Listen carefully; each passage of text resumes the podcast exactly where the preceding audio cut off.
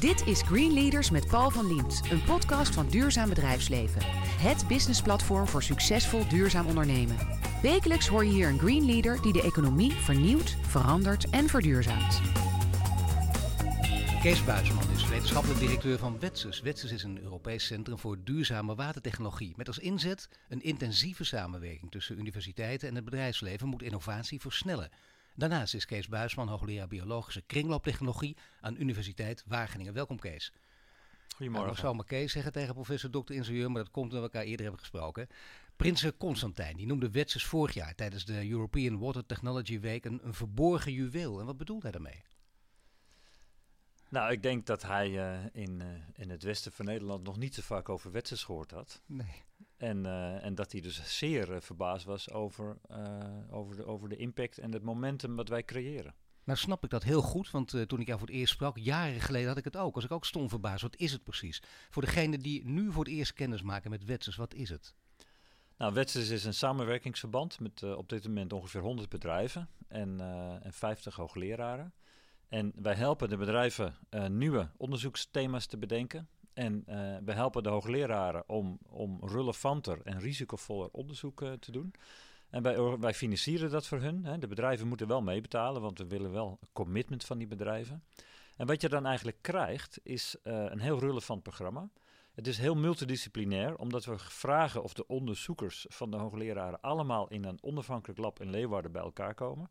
Daar zitten ze dus voor vier jaar. Ja. En uh, die jonge mensen haal je dan uit hun monodisciplinaire cultuur in een multidisciplinaire cultuur. Dus ontstaat een heel nieuw soort uh, nieuw soort science. Ja, dat is wel heel interessant. En ze gaan dus, om het even simpel te zeggen, ze gaan allemaal met elkaar samenwerken. Niet gewoon de blik gefocust op één terreintje, maar het gaat echt om de samenhang dus. Ja, toen ik vroeger nog uh, in het bedrijfsleven zat en onderzoek uitbesteden bij universiteiten, was ik altijd gefrustreerd over hoe moeilijk het was om twee wetenschappelijke disciplines te laten samenwerken. Vooral als ze ook nog op twee verschillende universiteiten zitten.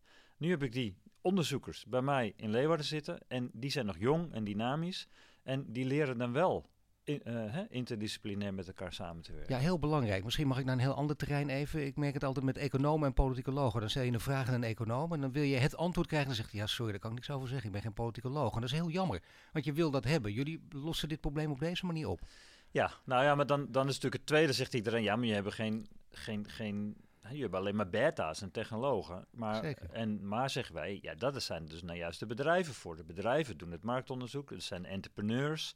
Hè, die hebben de ervaring met de markt en die moeten dat deel inbrengen. En daarom wordt het relevant. Maar hoe liggen de verhoudingen? Want het is vaak, uh, dat hangt er vanaf in welke kringen je komt. Maar soms zeggen ze, het staat op gespannen voet met elkaar. Want je moet echt fundamenteel onderzoek doen. En bedrijven willen alleen maar belang hechten aan marketing. Of omgekeerd. Bedrijven zeggen, dit is nuttig. En, en wij betalen geld aan die hoogleraar, maar ze doen het niet. Hoe haal je die, die spanning weg? Ja, nou, de, doordat het allemaal op één plek zit, is het veel overzichtelijker geworden voor die bedrijven. En is het ook moeilijker geworden voor hoogleraren om stiekem die onderzoekers wat anders te laten doen. En wat wij zien, dat op het moment dat bedrijven meedoen, hè, en daar, daar komt het laatste aspect van onze samenwerking, dat is vertrouwen. Er moet vertrouwen zijn tussen die bedrijven en die hoogleraren. En dan gaan de bedrijven ook vertellen wat zij voor onderzoek doen. Maar hoe doe en, je dat? Hoe kweek je vertrouwen? Ja, door de groepjes klein te houden, door uh, goede afspraken te maken, door bedrijven vetorecht te geven over welke bedrijven er nog meer bij mogen komen. En, uh, ja, en, en betrouwbaarheid is een van de hoofdwaarden van Wetsus. En we spreken ook met de hoogleraren af, als je eenmaal met een groepje bedrijven begint, mag je niet op hetzelfde onderwerp met andere bedrijven weer verder gaan.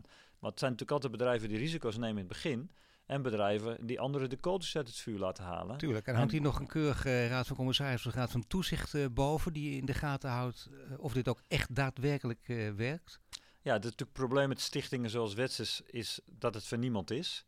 Daarom hebben wij gezegd, we hebben een raad van toezicht met vier bedrijven een raad van toezicht met vier uh, uh, universiteiten, zodat de belangen van allebei de groepen dus, dus door hun uh, bewaakt kunnen worden. En er zijn twee onafhankelijke, voorzitter en de vicevoorzitter. En onze voorzitter is Ed Nijpels. En die is wel bekend.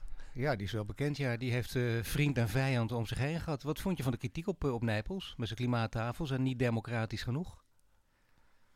Ja, is dat de kritiek op hem of op, het, op degene die die tafels ingesteld Kom heeft? op, Kees. Zeg. Het is, gaat toch ook om hem? Het is, het is niet voor niks een boegbeeld, hè? Daar, staat, daar staat hij ook voor. Nou, het is, eh, ik vind dat hij eh, eh, briljant al die belangen bij elkaar brengt. En, en, en het is inderdaad de vraag hoe, de- hoe democratisch het is.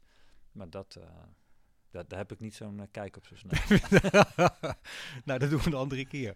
Nu is er nog iets, namelijk eh, de innovaties die Wetsers heeft. Die zijn belangrijk, hè? want je hebt nu gezegd hoe Wetsers eruit ziet, hoe het functioneert, eh, waarom betrouwbaarheid voorop staat, hoe belangrijk dat is. Maar dan wil je ook daadwerkelijk met goede innovaties komen die aansprekend zijn. Dan kun je er een paar noemen. Ja, nou, de, de, het- de innovaties van Wetsers worden heel vaak onderdeeltjes van dingen die al bestaan. Eh, die daardoor beter gaan functioneren, soms eh, revolutionair beter gaan, gaan functioneren. En dan moet je dus denken aan eh, de, de vervuiling van membranen. Hè. Dat, dat zijn soort zeven die water zuiveren. Die hebben de neiging, hè, omdat je natuurlijk het water er doorheen perst, dat ze heel snel vervuilen. Ja. Nou, dat kan komen door dat er calciumcarbonaat, hè, ketelsteen, opkomt.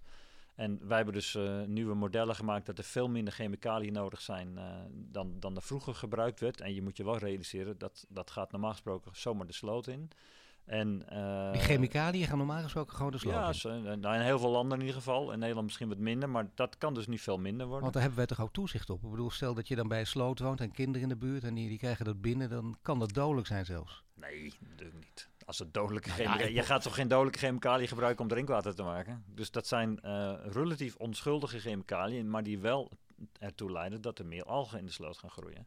Ja, en, En dat, betekent uiteindelijk. En dat, nou, dat de sloten groen worden en dan, dan eh, krijg je dus eh, rottende sloten. Nee, het is minder dat- spannend dan ik dacht, maar het is wel heel belangrijk. We willen, geen rottende sloot en zo. De- Ook, daar kun je dood aan gaan. Daar komen we straks nog wel op, die hele extremere voorbeelden. Maar dit is een belangrijk, hè, want het, lijkt, het moet ook zoden aan de dijk zetten. Dit zet dus ook op. Kun je dat, moet dat in cijfers uit te drukken zijn voor jou? Dat je, hoe, op welke schaal dit zoden aan de dijk zet? Nou, dat is natuurlijk altijd wel mooi. Als je zegt van eh, ik kan 90% van dat soort chemicaliën besparen. Ja. En, en, en, eh, en, en, en, en ik kan zeggen, de tweede manier waar die membranen door vervuilen, is dat er een laagje bacteriën op gaat groeien.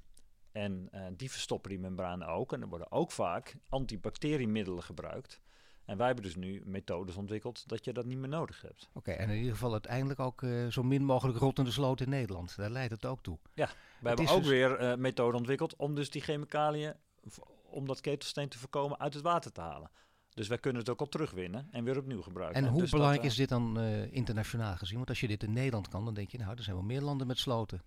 Nou, ik denk dat de Nederlandse watersector op dit gebied een hele goede reputatie heeft. En Ja. dat er heel veel Nederlandse eh, technologiebedrijven dit wereldwijd aanbieden. Ja. Nou, nee, natuurlijk, maar dat is maar Ja. extra belangrijk. Hè? Ik bedoel, er is ook dus nog veel geld mee te verdienen.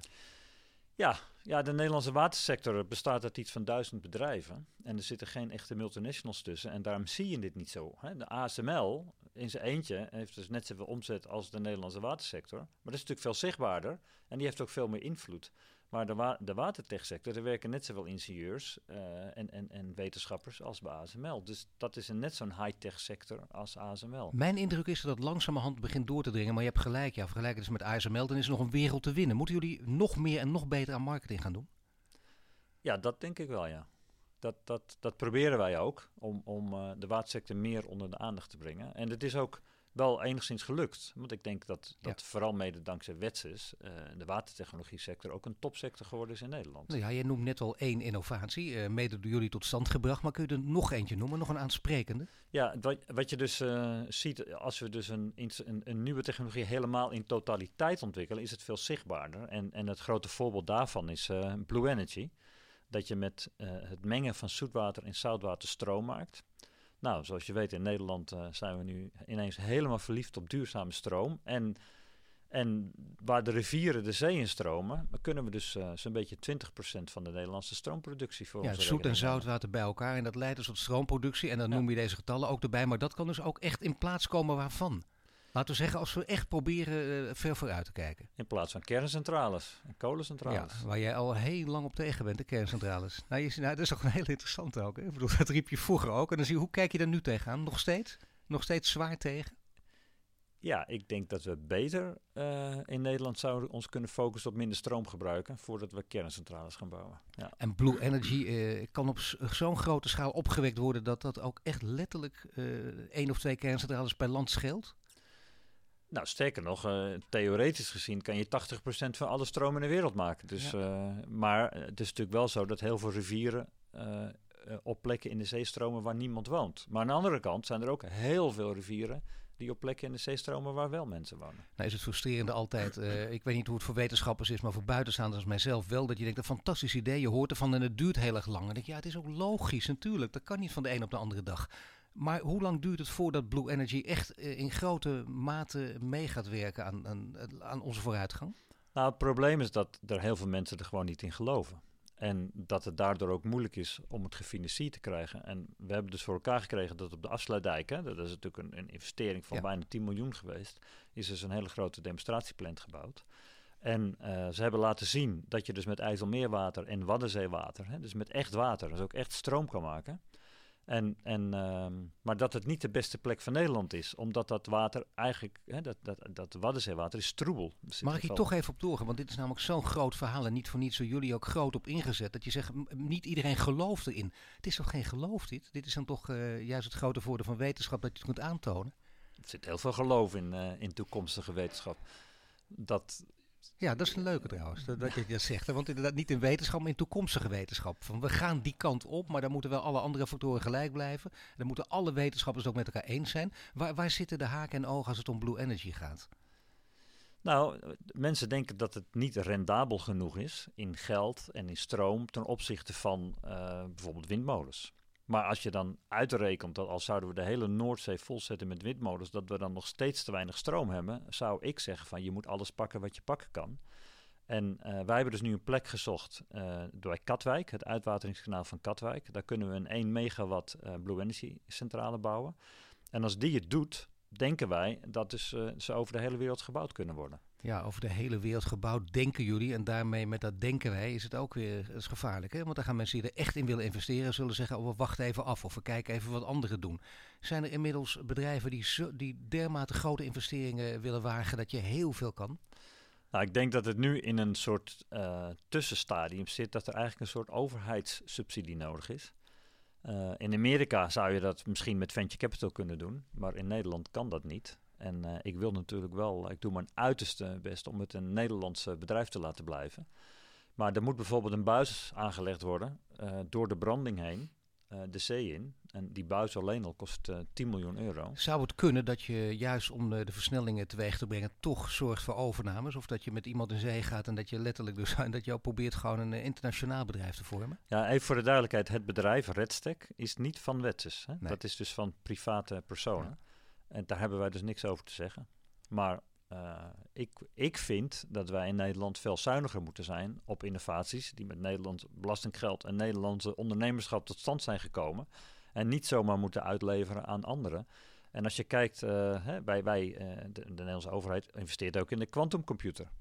en dat is hè, dat, dat samen met Microsoft. En, ja. nou, en hebben we een keer iets echt helemaal Nederlands, wat ook supergoed in Nederland past, want we hebben nou eenmaal veel rivieren, dan zou je toch moeten proberen met z'n allen dat Nederlands te houden. Oké, oranje boven. Je luistert naar uh, Kees Buisman, directeur van Wetses. Uh, net legt hij uit wat Wetses doet en straks proberen we verder te praten en te kijken wat zijn persoonlijke drijfveren zijn.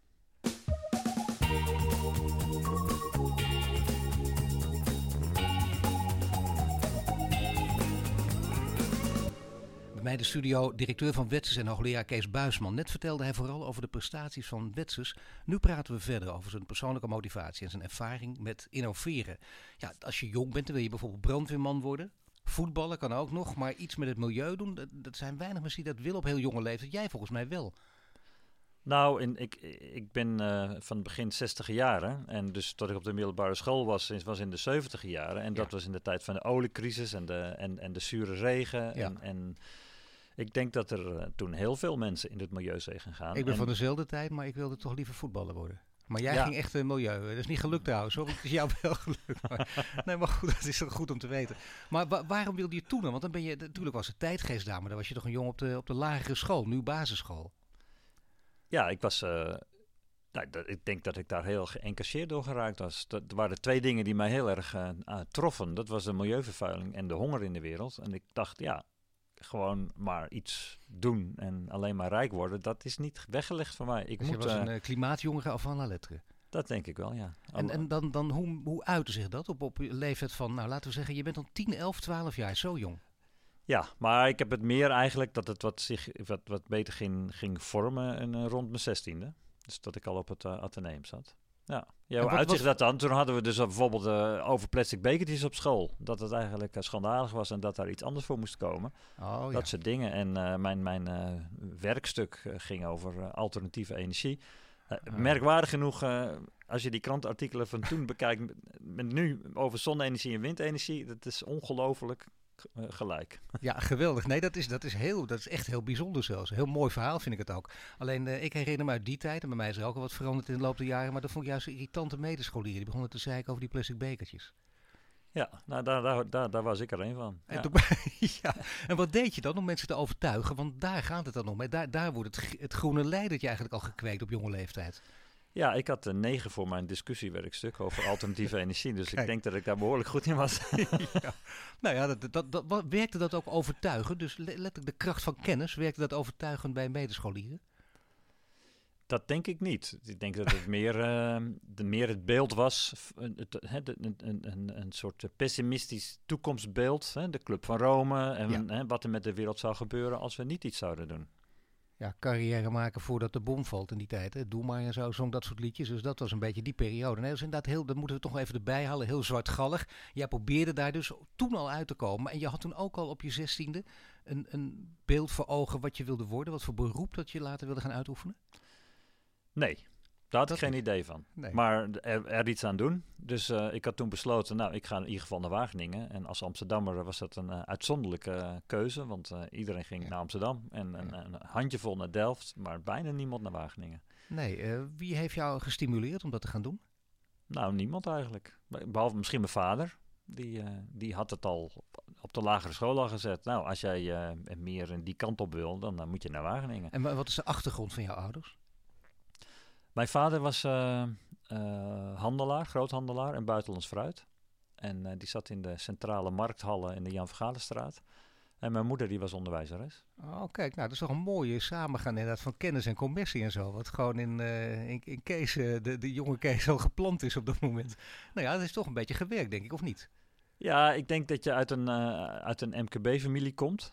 En, en Ja. snapt dat je je eigen salaris moet verdienen. Dat dat anders is. Dat ik soms eh, bij, eh, bij collega's op de universiteit zie die dat gevoel niet hebben. Nee, dus Ja. dat is heel voorzichtig zeg je dat nu. Maar dan mag best, je bent iemand die durft het ook stevig. Je begint nu te lachen, maar dat durf je ook stevig te zeggen. Want wat zie je dan bij die collega's? Want ze zijn natuurlijk wel door belastinggeld betaald. Maar ze denken van, eh, nou, we gaan heel mooi publiceren en een grote naam opbouwen en wereldberoemd worden. En, en wat er met de maatschappij gebeurt, dat geloven we wel. Nou, dat, dat, ik denk dat, dat je dat in algemene zin niet kan zeggen, maar Nou ja. eh, dat, dat, hè, dat universiteiten eh, hè, zich m- zeg maar, iets meer rekenschap moeten geven van dat het wel allemaal betaald wordt door de slagers en de bakkers, dat is volgens mij wel, eh, zou wel een zuiverende werking kunnen hebben. Ja, Ja. die lopen er nog te weinig rond in de wetenschap. Ja, nou, ik kom van de Technische Universiteit Wageningen. Ja. En eh, er zijn de andere technische uni- universiteiten, eh, is er wel een soort drive hè, dat het ook echt eh, impact moet hebben. En ik denk dat bij de algemene universiteiten dat wat minder is. Ja. Is er sowieso bij jongeren veel meer aanwas om nu eindelijk, want die, die lobby loopt ook al jaren. En jongens kiezen er nog wel voor, maar nog steeds te weinig meisjes, om echt veel meer je in die techniek te gaan ontwikkelen. Want kijken, wij merken dat in deze serie ook met de Green Leaders, juist in die hoek heb je heel veel mensen nodig.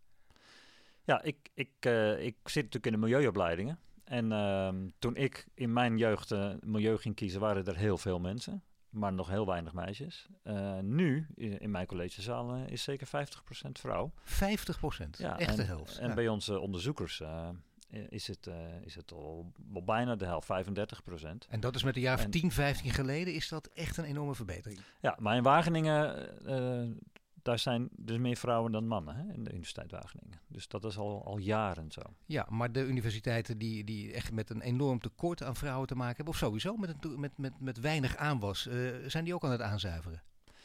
Ja, dat idee heb ik wel, ja. Dus in Delft bijvoorbeeld, daar zie je nu ook meer vrouwen en dan zie je sowieso meer jongeren die zich aanmelden. Ja, ja je ziet nu op dit moment een enorme toename in, in, aandacht voor technische wetenschappen. En dat heeft denk ik ook iets met economie te maken. En niet echt met het idee dat mensen denken dat ze dat voor duurzaamheid gaan doen. Ja, kijk, dat is een interessante, ja. Want uh, maakt dat wat uit dan? Ik bedoel... Uh, ja, maar ik denk dat... het succes van Wageningen is duurzaamheid. Want daar staat Wageningen natuurlijk onbekend. Het is milieu- en voedingswetenschappen. En uh, dat, dat de grote problemen met ongezonde voeding en grote problemen met klimaat en, en allerlei andere milieuproblemen dat heeft een enorme aantrekkingskracht uh, op Wageningen gehad. Ja, zeker. Maar bijvoorbeeld een uh, bedrijf als Unilever, uh, die kreeg opeens een Nederlander aan het roer en die zette daar hele grote stappen in een anglo-saxische wereld. de heer Polman, mensen hadden dat nooit verwacht dat hij als Nederlander dat voor elkaar zou kunnen krijgen in die wereld. heeft toch wat teweeg gebracht. Is, is, dat, is dat in jouw ogen een, laten we zeggen, een ondernemer met, met sterke idealistische drijfveren? Dat, ik ken, daar ken ik hem niet goed genoeg voor. Nee, maar je ziet wat hij gedaan heeft natuurlijk. Ja, maar je, of het uit idealistische overweging is of niet, dat weet ik niet. Hè. Hij kan ook gewoon bedacht hebben van dit is de toekomst van het bedrijfsleven. En als we dit niet doen, dan gaan we eraan. Maar, je, maar, dan zou, maar, maar ik, ik denk wel dat het heel goed is dat zo iemand uh, in ieder geval het lef gehad, lef gehad heeft dat roer om te gooien. Jij vindt het wel belangrijk dus toch, ondanks uh, dat, waar het vandaan komt. Of het om rationele nee, redenen gaat of om idealistisch. Nee, maar dat wil ik van je weten. Maakt dat wat uit? Of, je het ehm, om, of dat de onderliggend idealisme is, of omdat je het gewoon, uh, gewoon puur met de ratio bekijkt. Ja, nou je, je kan naar de wereld kijken hoe die wordt. En je kan naar de wereld kijken hoe die zou moeten worden.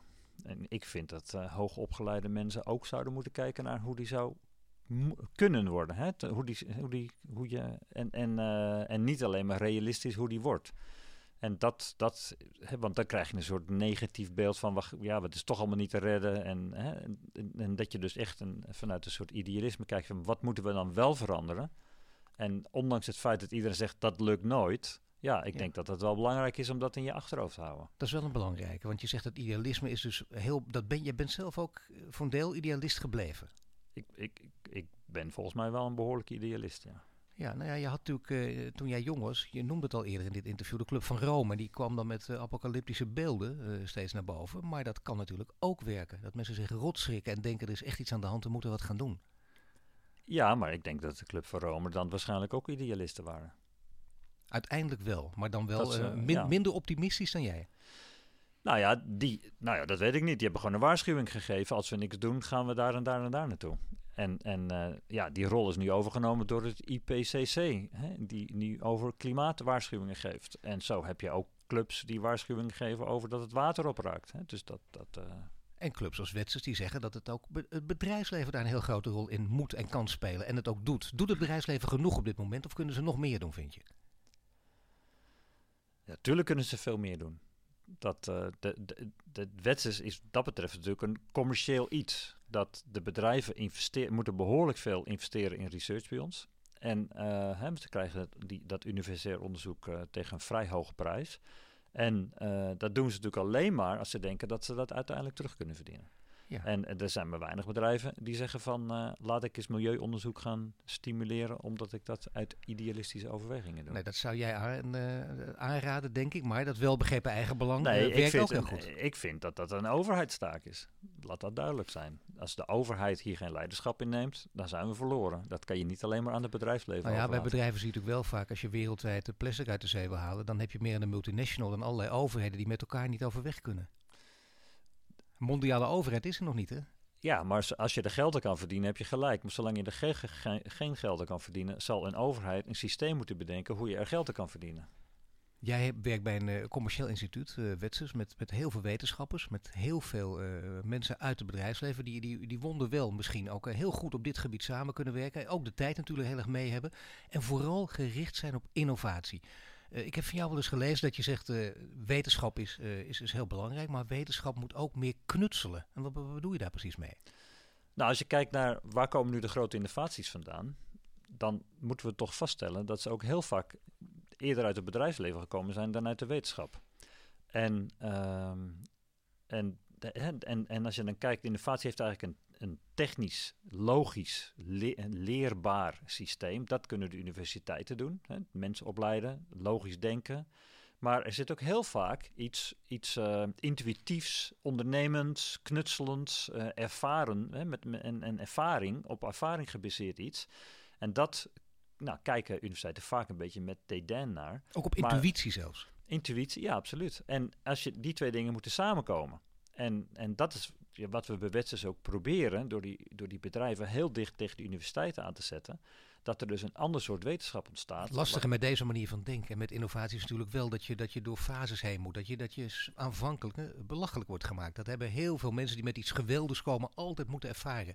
Herken je dat of niet? Ja, dat heb ik zelf meerdere keren meegemaakt. Ja. Ja. ja. Hoe gaat dat dan? En, en sterker nog, nu is het een soort geuzen eh, eh, iets geworden van als er geen belachelijke fase is geweest in je onderzoek, dan was het geen echte innovatie.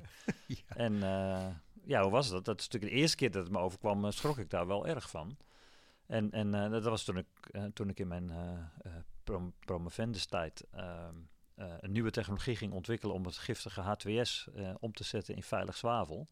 Dat het dus op de vakgroepen eh, een, een memo was van eh, eh, we moeten zorgen dat Kees Buisman dit niet gaat doen, want daarmee zet hij ons voor lul. En, Zo. en, en dat stond er netjes hoor. En, en toen is het, toch, is het gelukkig toch doorgegaan en nu wordt die technologie wereldwijd gebruikt.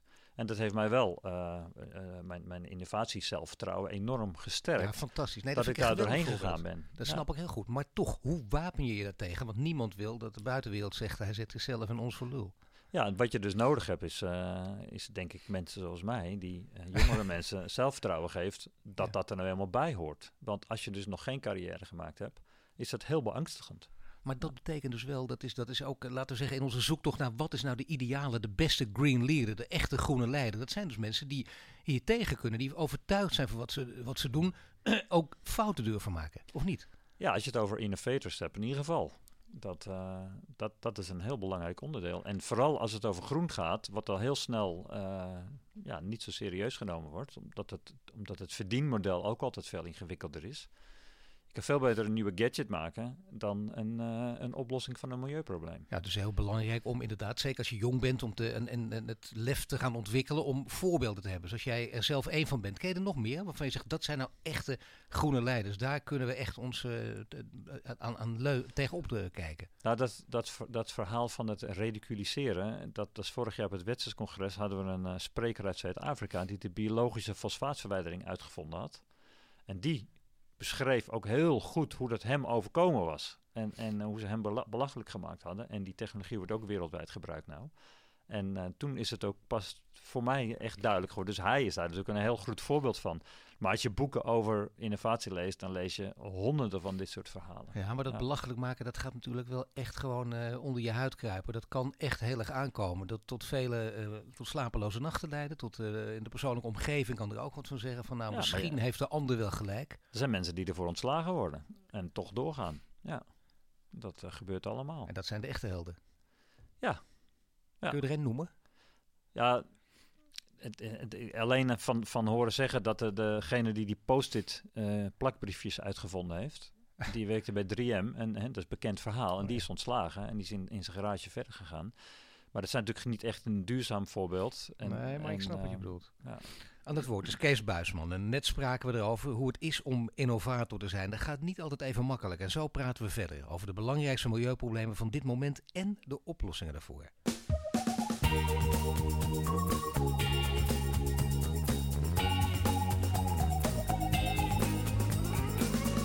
mij de studio, hoogleraar en directeur van Waterkennisinstituut Wetsers Kees Buisman. Net spraken over zijn persoonlijke ervaringen met innovatie. Nu praten we verder over de milieuvraagstukken van dit moment en hoe we die kunnen oplossen. Ja, de discussie over klimaatverandering die gaat vooral over, over CO2. Is dat terecht of onterecht? Ehm, ja, ik, ik denk dat je daardoor. Ik denk dat het niet terecht is. Ik denk dat je belangrijke beleidsfouten gaat maken als je het puur op CO2 gaat richten. En eh, er zijn dus nu hè, eh, in Nederland het belangrijkste milieuprobleem is fijnstof. Er gaan eh, iets van 18.000 mensen tien jaar eerder dood door fijnstof. Hier in Amsterdam eh, hè, gaat het je gemiddeld eh, kost het je vier van je leven. Ja, Maar het stuk- hier in Amsterdam eh, in de buurt van het Vondelpark ook nog, kun je nagaan. Je denkt de- dat je nergens last van hebt, maar toch. Het, is niet eerlijk verdeeld. Hè? Nee. Het is, nou ja, het is mijn zoontje. Ik ben, mijn zoontje is geboren in Amsterdam. En Ja. die kon dus niet tegen de luchtverontreiniging. En die kreeg er een enorme last van zijn longen van. En daarom zijn wij naar Friesland verhuisd. Maar daar, dat, dat, dat, losgelaten. Ehm, dus dat we dus nu eigenlijk stiekem houtkachels stimuleren. Eh, om minder gas te gebruiken, waardoor de hoeveelheid fijnstof in de stad toeneemt. Of dieselauto's is ook heel lang gestimuleerd, omdat dat minder CO2 uitstoot. Maar we gaan er wel dood van. Uh, dat, dat is in mijn ogen dus een enorme fout. Dus de, de, de eerste wat we zouden moeten doen met het terugdringen van fossiele brandstoffen, is die fossiele brandstoffen die fijnstof veroorzaken. En ten tweede zou ik er, voor als ik uh, als land, als Nederland, vooral op richten op minder importeren van, van fossiele brandstoffen uit andere landen. Want uiteindelijk gaan we natuurlijk gewoon failliet aan. En uh, wat ik echt decadent vind, is CO2 onder de grond stoppen. Ja. Terwijl je voor veel minder geld gewoon bomen zou kunnen planten op verwoeste landbouwgebieden. Waardoor je ten eerste welvaart brengt in de armste gebieden. Maar ook, hè, dat, dat heeft ook een afkoelend effect in die gebieden. Waardoor de aarde überhaupt weer ietsje minder warm wordt. Ja, maar je ziet het al. Hè? Met name dat decadente CO2, zoals jij het dan noemt, onder de grond stoppen. Dat wordt uh, ook uit diverse hoeken gepropageerd. Dat moet dan uh, hard de kop in worden gedrukt. Ja, dat het aan mij ligt wel, ja. Maar waar, tussen welke groepen vindt dan de discussie plaats? Want ondertussen wil je het niet over de hoofden van de bevolking uitvoeren. We gaan dadelijk ook nog praten over een boek dat je geschreven hebt. Bedoeld voor een groot en breed publiek. Is ook gelukt, is ook aangeslagen. Maar die mensen willen dus precies weten wat er aan de hand is. En die denken, wacht even, we moesten toch, het ging toch over, het draaide toch om CO2. Maar blijkbaar ligt er dus veel en veel genuanceerder. Ja, dat vind ik wel. En, en, uh, en, en uh, ik, ik bedoel, zit nu 30 jaar lang in het milieu. En vroeger ging het over zure regen en fijnstof en watervervuiling. En heel langzaam zeker komt er heel vaak bij te staan. Maar deze nieuwe technologie bespaart ook CO2. En nu Ja. gaat het alleen nog maar over CO2. Hè? En, en net of die andere dingen niet meer meetellen. Ja, dat is, nou ja, dat, was, dat is heel mooi als je dit lijstje noemt en zo, want dat is het. Dan wordt er steeds één dingetje uitgepikt. Maar wie, wie tussen wie en wie zou de discussie dan op dit moment moeten gaan over CO2? Om in ieder geval wat jou betreft op het rechte pad te komen. Ja, ik weet niet precies wie, het, eh, wie dit eh, hele verhaal aanvuurt. Ik, ik, eh, ik, ik, ik, hè, en, en, ehm, ik denk dat wij ehm, eerlijk moeten zijn dat als wij minder CO2 willen hebben, dat het geld gaat kosten. En dat we dat dan moest zodanig moeten doen dat we er ook als Nederland het meest aan hebben. Zowel economisch als qua Maar het zou handig zijn als er bijvoorbeeld dan op grote schaal consensus is, juist op dit terrein, tussen bijvoorbeeld eh, vele universiteiten en veel bedrijven. Is, is, dat er, nou, is dat er wel volgens jou?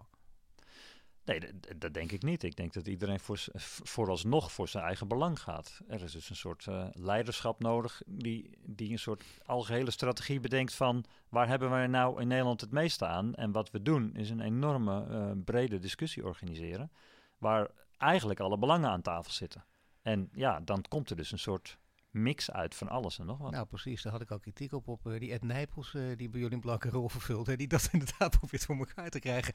Maar wat is dan een hele goede leider? Die, die, want die- dat zeg je, het komt elke keer toch daarop neer, leiderschap. Er zijn boeken over volgeschreven. Maar jij hebt er lang over nagedacht. En zeker als het gaat op, over deze onderwerpen. Wat is dan een belangrijke leider? Nou, het is heel grappig dat Nederland vroeger voorop liep qua milieubeleid. En dat de EU, eh, dat we heel vaak strenger waren dan de EU en dat de EU onze eh, eh, normen overnam. Nu, als we dus zien dat we dus helemaal omkomen in de fosfaat, moeten de EU bij ons afdwingen dat we niet nog meer koeien en varkens hebben. Dat kunnen we dus niet meer zelf. Hè? Als je kijkt nu naar Schiphol, 500.000 eh, vliegtuigen, landingen en op, dan, dan zou je toch zeggen als Nederland, dat is dus genoeg voor zo'n klein, klein stadje als Amsterdam. Daar, kun, daar kan niet meer bij. En toch kunnen we dat dus blijkbaar niet. Nou ja, toch? de minister denkt daar dan weer heel anders over inderdaad. Eh, die die maar lost die kan een dus- schot voor de boeg. Maar als je dus zegt van nou, 500.000 is het maximum en we gaan dus de, de waarde van die 500.000 vluchten verhogen, daar heb je waarschijnlijk meer aan dan te zeggen, nou, dat doet er nog maar 10.000 Heb jij bij. politieke ambities of niet? Nou, voorlopig niet. Nee, voor- kijk, voorlopig niet. Nou, misschien dus straks wel. Kees Buisman gewoon. En dan ga je de wet van Buisman die ga je toepassen. En wie weet wat daarvan komt. Nee, maar we hebben toch... Ik, ik denk dat ik niet diplomatiek genoeg ben eh, als politicus. Nee. Oh, dat is het gewoon. Af en toe de vuist op tafel en iemand eh, de, de huid vo- vol schelden. Toch wel? Ik, eh, ja, nou ja, dat weet ik niet Nou uit ja. vol schelden, maar ik, ik ben nog een beetje te direct voor politiek, vrees ik. Maar je zegt net, dat kan dus niet. Hè? Je, je hebt wel zo'n leider nodig. Eh, zie jij mensen in het buitenland opstaan? Of zeg je van, nou, dat zijn mensen waar we ons aan kunnen optrekken? Want dat vind ik altijd handig om dan te weten. Want eh, die, die hebben ze natuurlijk wel nodig dan. En liefst zo concreet mogelijk. Eh, een leider in het buitenland. Nou ja, in Nederland zijn ze niet te vinden. Tenminste op dit niveau. hè. Het is, je, vraagt nog, je vraagt nogal wat van ze. Je moet hele brede groepen meekrijgen. Die ook tegen hun eigen belang... Ja, ik, ik Dingen durven door te Kijk, in. Duitsland hebben ze natuurlijk al veel eerder bedacht, we gaan duurzame energie invoeren. En die hebben dus wel voor heel veel duurzame energieën gekozen die minder fijnstofuitstoot. Helaas hebben ze ook voor hout gekozen. Maar die, die kunnen ook met één pennenstreek uh, alle kerncentrales sluiten. Dat zijn natuurlijk wel hele stoere dingen. Ja, en ze zeggen ook uh, dat uh, weer gas weer belangrijker wordt in Duitsland. Ja, ik, ik, denk ook dat je niet te snel van gas af moet. Dat, dat, dat, dat kan niet in Nederland. Dus dat is duidelijk. Ja, nou dat is interessant. Want Nederland gaat de omgekeerde richting op. het is heel schokkend als je kijkt naar onze ICT-sector. Al de datacentra die we bouwen.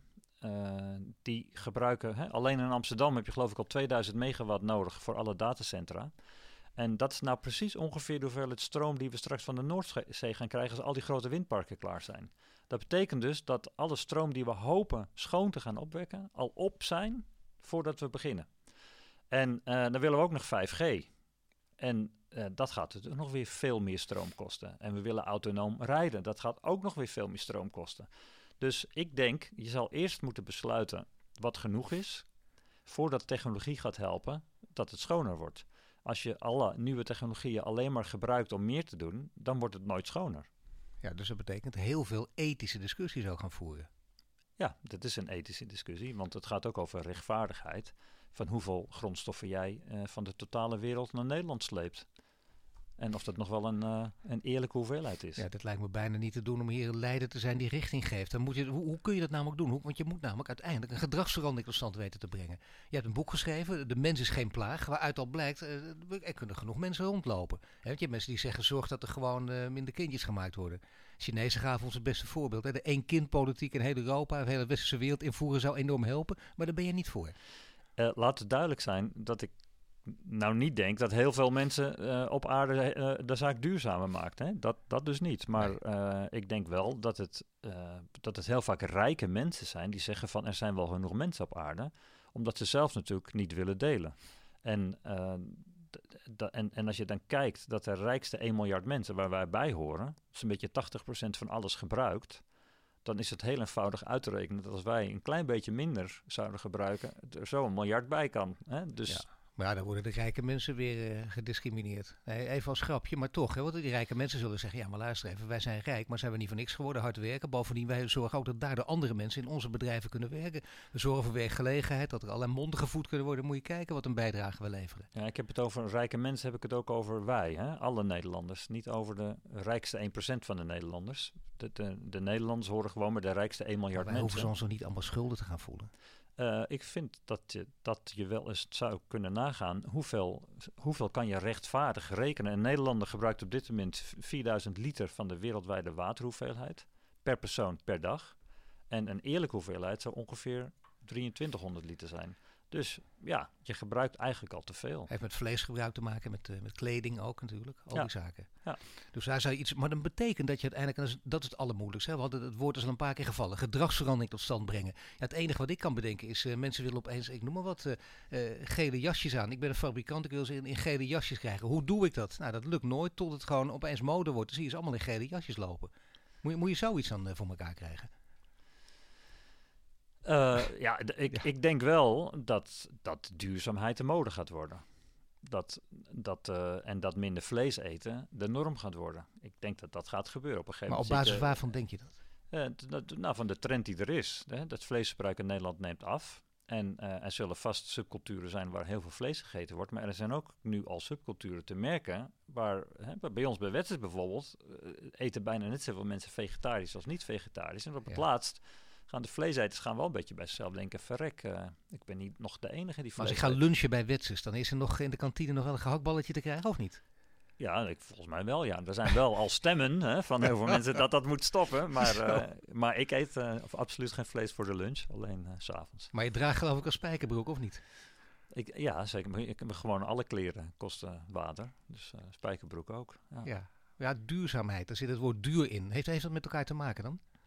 Dure ja, spijkerbroeken zijn beter dan goedkoop als ze lang meegaan. Nou, het, het, ik denk dat je heel duidelijk kan zien dat uh, het invoeren van goedkoop eten, dat dat niet duurzaam is. Hè? Dat daardoor de boeren uh, steeds grootschaliger en onder steeds grotere druk moeten produceren. Waardoor dingen minder duurzaam gaan dan bijvoorbeeld biologische landbouw, die veel kleinschaliger is en geen, geen, geen chemicaliën nodig heeft. En dat is daardoor duur. Dus dat, Dus Sowieso, koop, koop om- duur eten is een, eh, belangrijke stap naar duurzaamheid. Sowieso, om echt eh, zoden aan de dijk te zetten, eh, moet je natuurlijk, maar ja, dat betekent dat mensen weer gewoon een aanslag op hun portemonnee krijgen. En die roepen de energienoten gaat ook al omhoog, maar ook dat is weer een andere discussie waar we een keer nog op door kunnen gaan. Maar er is nog eentje. Kijk, Wetsus eh, zet veel zoden aan de dijk. Dat hebben we in dit gesprek ook gemerkt. Daar heb je ook veel geld nodig. En jullie zijn met grote innovaties bezig. Natuurlijk wil je dus ook meer geld. Komt dat eraan op een of andere manier? Ehm, nou ja, wij, eh, zoals het nu geregeld is, hè, wij, wij hebben de formule van de oude technologische topinstituten dat voor iedere euro van het bedrijfsleven we 2 euro van de overheid krijgen en 1 euro van de universiteiten. Ja. En eh, die 2 euro van de overheid is het probleem. En in eh 1 januari 2021 is ons geld op. En we zijn dus in volop onderhandeling om weer te kijken of we weer ergens die 2 euro vandaan kunnen krijgen. En we zijn er vrij ver mee, maar we hebben het nog niet eh, binnen. Nee. Vrij ver mee, want waar komt het dan vandaan? Nou, een deel gaat de provincie Friesland en de gemeente Leeuwarden betalen. Een deel eh, is- komt uit de topsectorenregeling van het Economische Zaken. En een deel hopelijk bij de Nederlandse Wetenschapsorganisatie. En een deel zoeken we nog. En, en daar zijn meerdere opties voor. Maar die, eh, Die houden we nog even voor je. ja, die moeten we eerst nog uitspelen. Nou ja, misschien als mensen dit horen en die denken, wacht even, we willen hier ook geld te geven. Dan wil ik wel horen wat ik daarvoor terugkrijg. Je hebt een paar innovaties genoemd. Noem er nog eens één om die laatste mensen over de streep te trekken. Dan zeg ik, kijk, dat moet na 2021 doorgaan. Daar Nou, hebben we dat geld voor nodig. Wij hebben een heel groot eh, programma om fosfaat eh, terug te winnen uit water. Hè, fosfaat is, een, dat is onderdeel van kunstmest, wat in de hele wereld nodig is om eh, planten te groeien. Voor 10 miljard mensen. En dat raakt op, want we verspillen het op dit moment. En wij ontwikkelen dus technologie om het weer terug te halen uit water, zodat het weer terug kan naar de landbouw. En, en dat doen we biologisch, elektrochemisch, magnetisch. We hebben allerlei verschillende technologieën voor ontwikkeld. Dus uh, wij denken wel dat we daar uh, binnenkort grote toepassingen uit voortkomen. Kijk, dat is heel belangrijk. Internationale toepassingen zelfs. Ja, alles wat wij doen uh, kan je overal ja. gebruiken, want het afvalwater in de wereld is overal hetzelfde. Ik dank je Kees en heel veel succes met al deze vernieuwingen en bovendien ook met het ophalen van geld. Die luisteren naar de Green Leaders podcast van Duurzaam Bedrijfsleven. Volgende week zijn we terug met een nieuwe Green Leader. Dit was de Green Leaders podcast voor deze week. Volg onze website voor meer nieuws over succesvol duurzaam ondernemen. Wil je meer afleveringen luisteren? Abonneer je dan nu via iTunes of Spotify en krijg een melding wanneer er een nieuwe podcast online staat.